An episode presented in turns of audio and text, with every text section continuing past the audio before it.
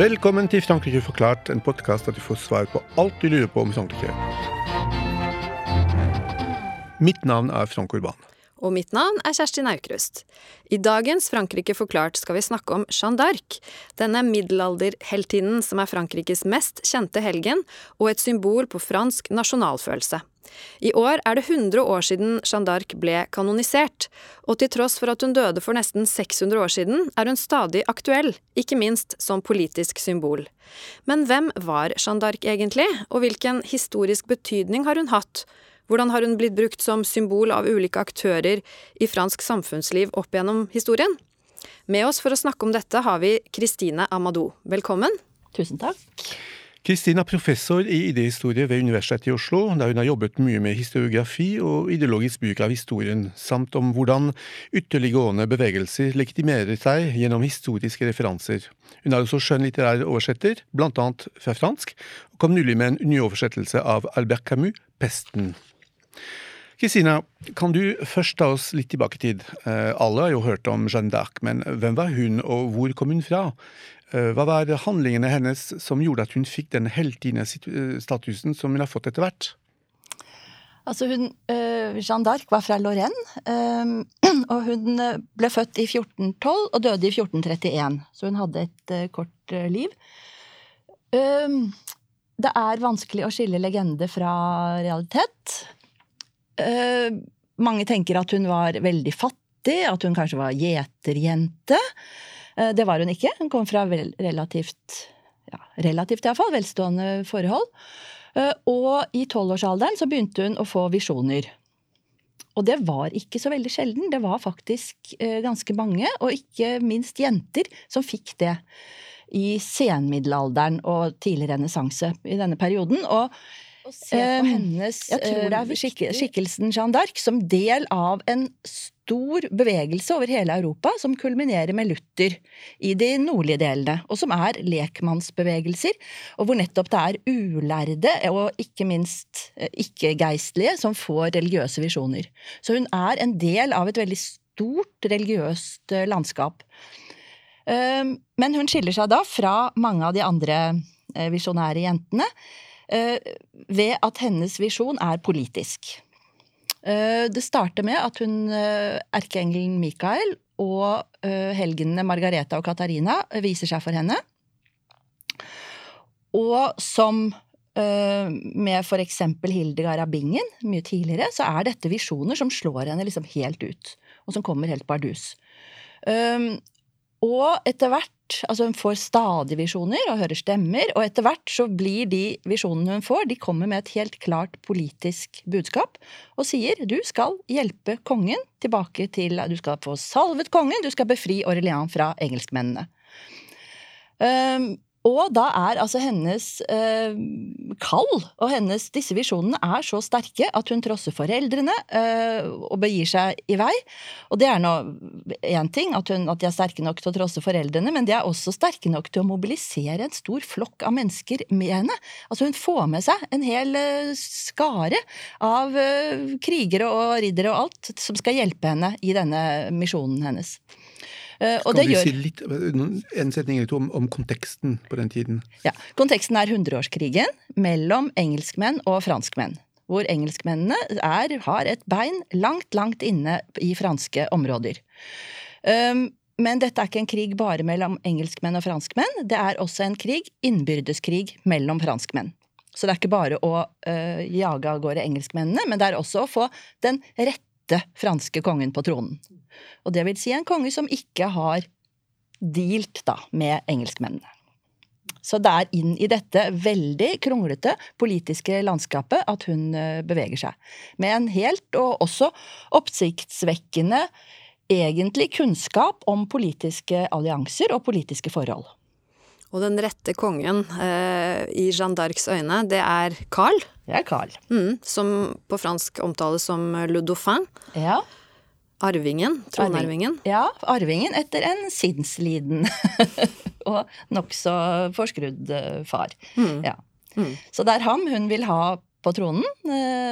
Og så hun har liksom en totrinnsmisjon, totrinnsmisjon, og det er å befri Orléans, og det er å da eskortere, lede Carl til Reims, som er salvings- og kroningsbyen, for å få ham kronet til Frankrikes rette konge. Mm.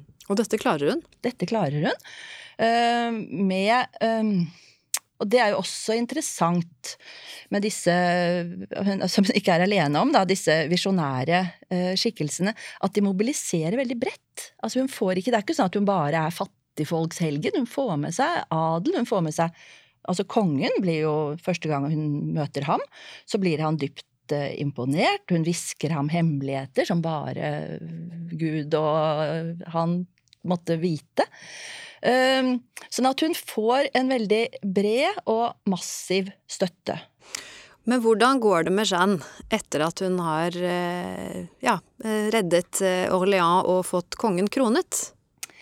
Da svikter kongen henne. Um, og det er det jo mange som har eh, spekulert på hvorfor han gjør.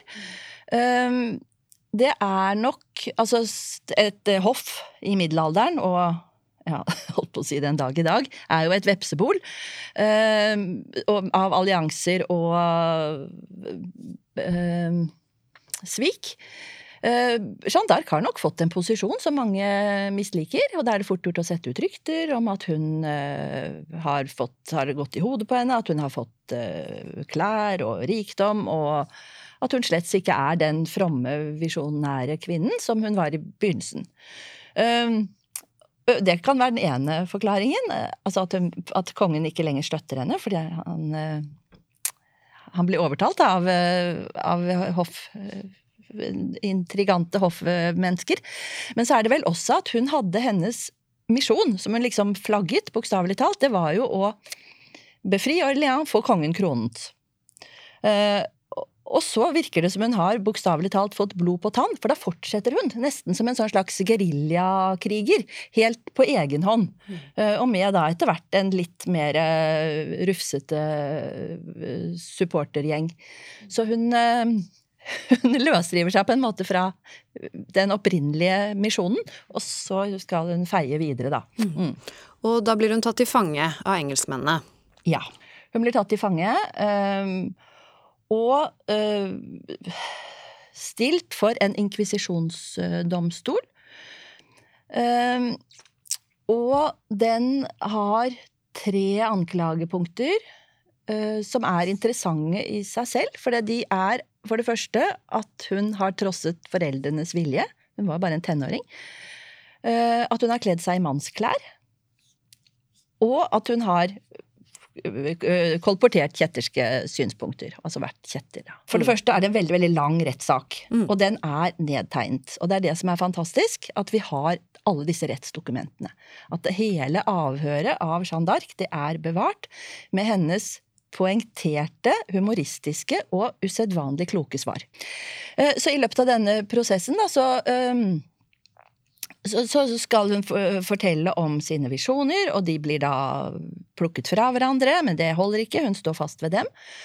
Um, og um, hun blir da, og det er en vanlig sånn hekseprosess, inkvisisjonsprosedyre, uh, at hun kan få slippe dødsstraff hvis hun avsverger uh, og forlater sine egne synspunkter. Og i samme slengen at hun uh, slutter å gå i mannsklær og begynner å gå med kvinneklær igjen. Det er liksom viktig, et viktig element. Uh, og så signerer hun på dette, og hun var analfabet, så det er litt uklart om hun visste hva hun signerte på. Men så øh, ombestemmer hun seg i sin celle. Bort med kvinneklærne, på med mannsklærne. Øh, vil ikke avsverge sine visjoner og vil stå fast ved, ved dem. Uh, og da får hun en dom som er verre, for da blir hun en eh, tilbakevender til kjetteri, og det er verre enn å være kjetter. Så det, da er du på en måte residivist. ikke sant? Da er du helt Når du gjentatte ganger insisterer på å være kjetter, da det er liksom verre enn enn første gang, da. Eh, og så blir hun da brent. Med 10 000 tilskuere som er dypt eh, rystet over denne martyrdøden, som den veldig fort fremstår som. Mm. Og da er Jeanne 19 år. Ja, er 19 år. Jeanne d'Arc, eh, som du sier, blir jo da dømt for annet kjetteri av kirken. Men så, noen tiår etterpå, blir hun rehabilitert av kirken. Hvorfor skjer dette? Um, jeg tror frøene ble sådd allerede under bålbrenningen, altså dødsscenen hennes, som gjorde hvor hun fremsto som en helgen og som en martyr. Og hun avsverget ikke, hun sto med et kors, hun uh, utbasunerte uh, fromme bønner. Og, og, gjorde et veldig veldig sterkt inntrykk også på de som hadde dømt henne, da. På biskopen og de som var rundt. sånn at hun fikk en veldig stor folkelig oppslutning. Kirken på 1400-tallet, 1500-tallet, er i en veldig skvis, fordi de er redd for disse lekmannsbevegelsene, disse store folkelige bevegelsene. Så det å rehabilitere henne, det er en måte å demme opp for en veldig stor, liksom trassig bevegelse, da.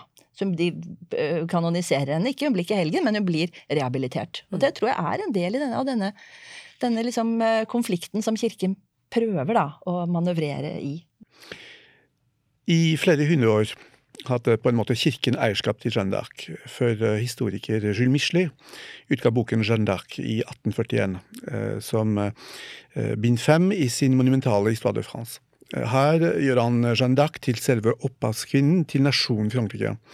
Hvilken betydning har denne tolkningen av Jeanne d'Arc hatt for hennes ettermæle? Michelet var en av mange. Det startet med Napoleon, som trakk henne frem. Uh, hun var jo ikke Hun hadde en ganske uh, sentral plass i Orléans, men hun var jo ikke noen, altså hun var ikke noen stor skikkelse. Så hun ble, hun ble oppdaget på 1800-tallet. Samtidig så skjer det på 1800-tallet at man en veldig eh, opp, nyvakt interesse for middelalderen. Sånn at hun dekker et behov da, for middelalderreferanse. Um, og som Michelet selvfølgelig også føyer seg inn i. At, at man leter etter nye sånne referanser. Um, men det som er interessant, er at um, interessen for henne den var vel så stor i utlandet på 1800-tallet som i Frankrike. Og vi har Schillers stykke, som ble satt opp på Nationaltheatret for uh, ti år siden. De Jungfrau von uh, Orléans. Mm. mm. Sånn at uh, på en måte så kommer Jeanne d'Arc, den litterære Jeanne d'Arc-interessen, kommer også utenfra, og det er engelske menn også som, som oppdager henne, fordi de er fascinert av henne, da. Så blir hun jo en veldig beleilig figur, fordi hun kan forene det patriotiske og det kirkelige. Mm. Mm. Så hun får en, en utpreget politisk eh, rolle, da, på denne tiden. Ja. Mm som nasjonalsymbol så får hun en rolle. Hvordan vil du plassere henne mellom republikanske krefter og antirepublikanske krefter ja, på den tiden? Altså det er det som er problemet, eller hva skal jeg si, med en sånn skikkelse som Jeanne d'Arc, at hun kan brukes til absolutt hva man vil. Og det gjelder jo sterke historiske symboler, at de er som passepartout-symboler. Så hun kan brukes av kirken, hun kan brukes uh, av, av Eh, rojalister. Eh, og hun, bli, og hun blir brukt av republikanere. Eh, og det er jo nettopp fordi det er hele historien hennes. På en måte kan hun brukes av rojalister, men så kan hun også bli brukt av antirojalister fordi kongen sviktet henne. Hun kan brukes av kirken fordi hun var, hadde visjoner, hun kan brukes av antikirkelige bevegelser fordi hun ble dømt av kirken. Mm. Så, så hun, er, hun, har liksom en historie som gir veldig mange åpninger, da. Mm. Som nevnt Jeanne d'Arc først kanonisert, eh, altså erklært helgen, av den katolske kirken eh, i 1920, nesten 50 år etter sin død. Hvorfor tok det så lang tid? Um, altså For det første så er kanoniseringsprosesser de kan ofte være ganske langvarige, for det er mye som skal hentes inn av informasjon. Når den kanoniseringsprosessen startet, så var det et kirkelig ønske om å få kloa i henne. At ikke mhm. hun skulle bli et uh, altfor uh, radikalt symbol, men at, skulle, at nå skulle hun være deres. For dette skjedde jo 15 år etter at loven som skilte stat og religioner ja. ble vedtatt i 1905. Ja. Eh, for da trer jo hun inn som, som, nettopp en sånn som kan stå i litt spagat, da. Mm. Mm. Mellom stat og kirke, og, og var i ferd med å bli et veldig republikansk symbol. Og da er det klart at kirken, det er det viktig for dem å slå til og, og få, og, få gjort henne til sin. Mm, mm. Uh, men det skjer Jeg vil bare si én ting til om Michelet. For det, uh, det, at det at han er del av en større uh, interesse, ikke bare for middelalderen, men også for Jeanne d'Arc, det gjør at omtrent samtidig med hans verk så kommer Eh, så gir man ut rettsprotokollene og publiserer dem. Eh, for det har ingen vært interessert i før, men nå blir dette materialet tilgjengelig og gitt ut i masse bind. Mm, sånn at, eh, at man har plutselig og det, det, skjer på midten av 1800-tallet, og da kan man også begynne å se på henne som en visjonær, og har faktisk et skriftlig materiale som er tilgjengelig, og som man kan begynne å studere. Sånn at det er en, også en historisk interesse for hennes Eh, altså teologisk-historisk da, eh, interesse for henne. Samme år som hun ble kanonisert, så ble det også vedtatt at den andre søndagen i mai skulle markeres med en nasjonal feiring av henne, til minne om frigjøringen av eh, Orléans, som vi var inne på. Hvilken status har denne feiringen hatt? Det har jo vært en del politisk krangel om, om Jeanne d'Arc, også knyttet til feiringen av henne? Ja, altså det som har skjedd, er at hun knapt noe menneske som blir så mye feiret som henne. Um, fordi hun blir feiret 30. mai. Har kirken opprettet sin uh, helgenfest for Jeanne d'Arc. Så det er en kirkelig fest helt til slutten av mai. Som uh, helgenfest for hennes, på hennes døds, uh, dødsdag. Um, men så er det den andre søndagen, som etter hvert har blitt fiksert da, til 8. mai, Eh, den er nok først og fremst en fest som feires i Orléans. Med noen voldsomme opptog og kåringer av uh, årets Jeanne d'Arc. Mm -hmm. uh, så nå sjekket jeg akkurat hun som var 2020 Jeanne d'Arc. Og som interessant nok, i 2018 så var det en jente med halvt nordafrikansk bakgrunn som ble kåret til årets Jeanne d'Arc. Og hun hadde alt som skulle til uh, for å fylle rollen. Hun drev med fekting, og hun drev med korsang. Da tenker jeg Veldig god kombinasjon.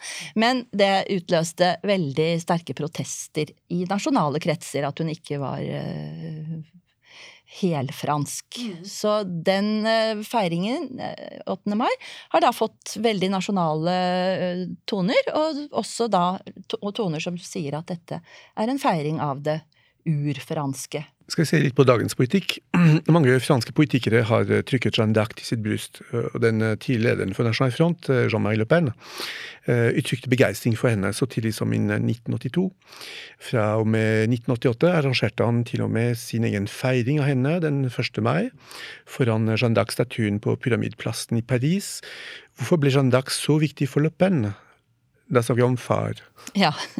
Le Pen var jo ute etter sterk nasjonalt, et sterkt nasjonalsymbol, selvfølgelig, men han var jo også ute etter, særlig på slutten av 80-tallet, allianser med øh, den delen av den katolske kirken som etter hvert ikke var en del av den katolske kirken, men som brøt ut med han som het Lefebvre.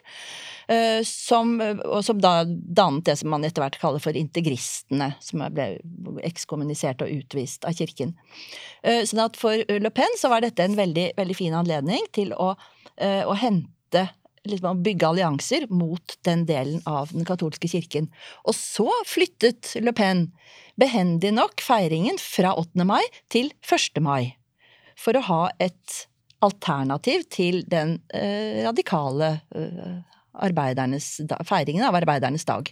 Mm. Jeanne d'Arc ble jo også et symbol for Jean-Marie Le Pen på kvinnen som sparket ut engelskmennene, og nå eh, var det da Jean-Marie Le Pens oppgave å sparke ut den nye fienden, da, som var eh, den muslimske innvandreren eh, i hans øyne. Og det er jo interessant også at datteren hans, eh, Marine Le Pen, også eh, feirer eh, Jeanne d'Arc 1. mai, mm. men at for, for, henne så har Jeanne d'Arc blitt mer et symbol på Frankrike mot EU, sånn at symbolikken har, har endret seg noe også der, da. Men hvordan vil du si at eh, Jeanne d'Arc forvaltes politisk eh, i, i, dagens eh, Frankrike? Er hun nå mer sånn tverrpolitisk, eller er det, altså, er det mer konsensus i dag om, om, hva hun står for? Er det fortsatt kamper om, om fortolkningen? Jeg tror at det er mer variasjon i Jeanne d'Arc-resepsjonen utenfor Frankrike enn i Frankrike. At det er såpass tunge tunge krefter som har, som har, hentet henne inn, da, som uh, patriotisk symbol, som innvandringsfiendtlig symbol, som katolsk uh, symbol, at det er vanskelig Altså, venstresiden i Frankrike er ikke noe opptatt av Jeanne d'Arc. Du, du hadde jo et forsøk med Ségolène Royal i 2007 som kledde seg hvit og, og brukte, ja. et, et, et, språk som kunne minne litt om et, et bilde av å klare å identifisere eller bli identifisert med Jeanne d'Arc. Altså Ségolène Royal, som var presidentkandidat for sosialistene. Ja. Men det fungerte ikke så noe særlig. Nei. Og, og franskmenn er jo veldig Altså fransk venstreside er jo veldig kritiske til til flaggbruk, nasjonale symboler. Men du sier egentlig at høyresiden, eller ytre høyre, klarte å kapre henne? Ja, men at hun har jo også en resepsjonshistorie eh, blant feminister. Um, og vi har ikke fått snakket om klærne hennes, for det er ganske morsomt at alle fremstillinger av henne, de er Der har hun på seg denne kjolen som hun nektet å bære. Mm. og flagrener og sånn. Uh, så, så, feminister har jo vært opptatt av henne. Um, men uh, det, jeg tror nesten det er mest eh, amerikanske feminister og britiske, altså, som, har, mm. som, har, sett på henne som et litt sånn crossdressing-fenomen. Mm, hun var jo blant annet et ikon for suffragettene, ja. eh, så, så, det er klart at den feministiske mm. aspektet der er veldig, er veldig viktig, mm. særlig uten, utenfor Frankrike. Ja. Uh, til slutt, noen betraktninger om kjønn. Uh, fransk nasjonalromantikk er tuftet på store navn, hvorav de aller fleste er menn. I sin bok fra 2008 påpeker Catherine Valenti at franske heltinner lenge glimret med sitt fravær, på samme måte som de var sterkt underrepresentert i fransk historie. Uh, rett og slett fordi historikerne ikke var interessert i dem. Hvordan kan man da forklare dette, og, hvorfor er Jeanne d'Arcs et så viktig unntak i den ellers hovedregel? Ehm, for å begynne med Jeanne d'Arc, så tenker jeg at um, den katolske kirke, som jo ikke akkurat har kvinner i førersetet, har hatt der har jomfru Maria hatt en veldig sterk posisjon. Og det er jo ofte i veldig patriarkalske, mannsdominerte sammenhenger at man har liksom én kvinne ser det i politisk historie også, at det kan være i land med ganske repressive forhold for kvinner, så har man likevel noen sånne enkeltskjebner, enkeltkvinner, som står veldig frem. Eh, helt ulikt alle andre kvinner. Eh, Jeanne d'Arc, det som er interessant med henne, er jo at hun faktisk eh, som nasjonalhelgen, så har hun detronisert den som viste seg for henne i hennes visjoner, nemlig erkeengel Mikael. Så hun så hun har på en måte blitt det kvinnelige unntaket.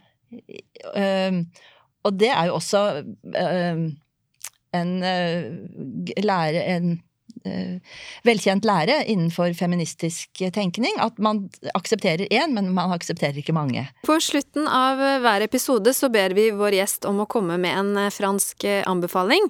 Hva er din anbefaling til våre lyttere, Kristine? Det er Dreyers film om Jeanne d'Arc, med René Falconetti i hovedrollen.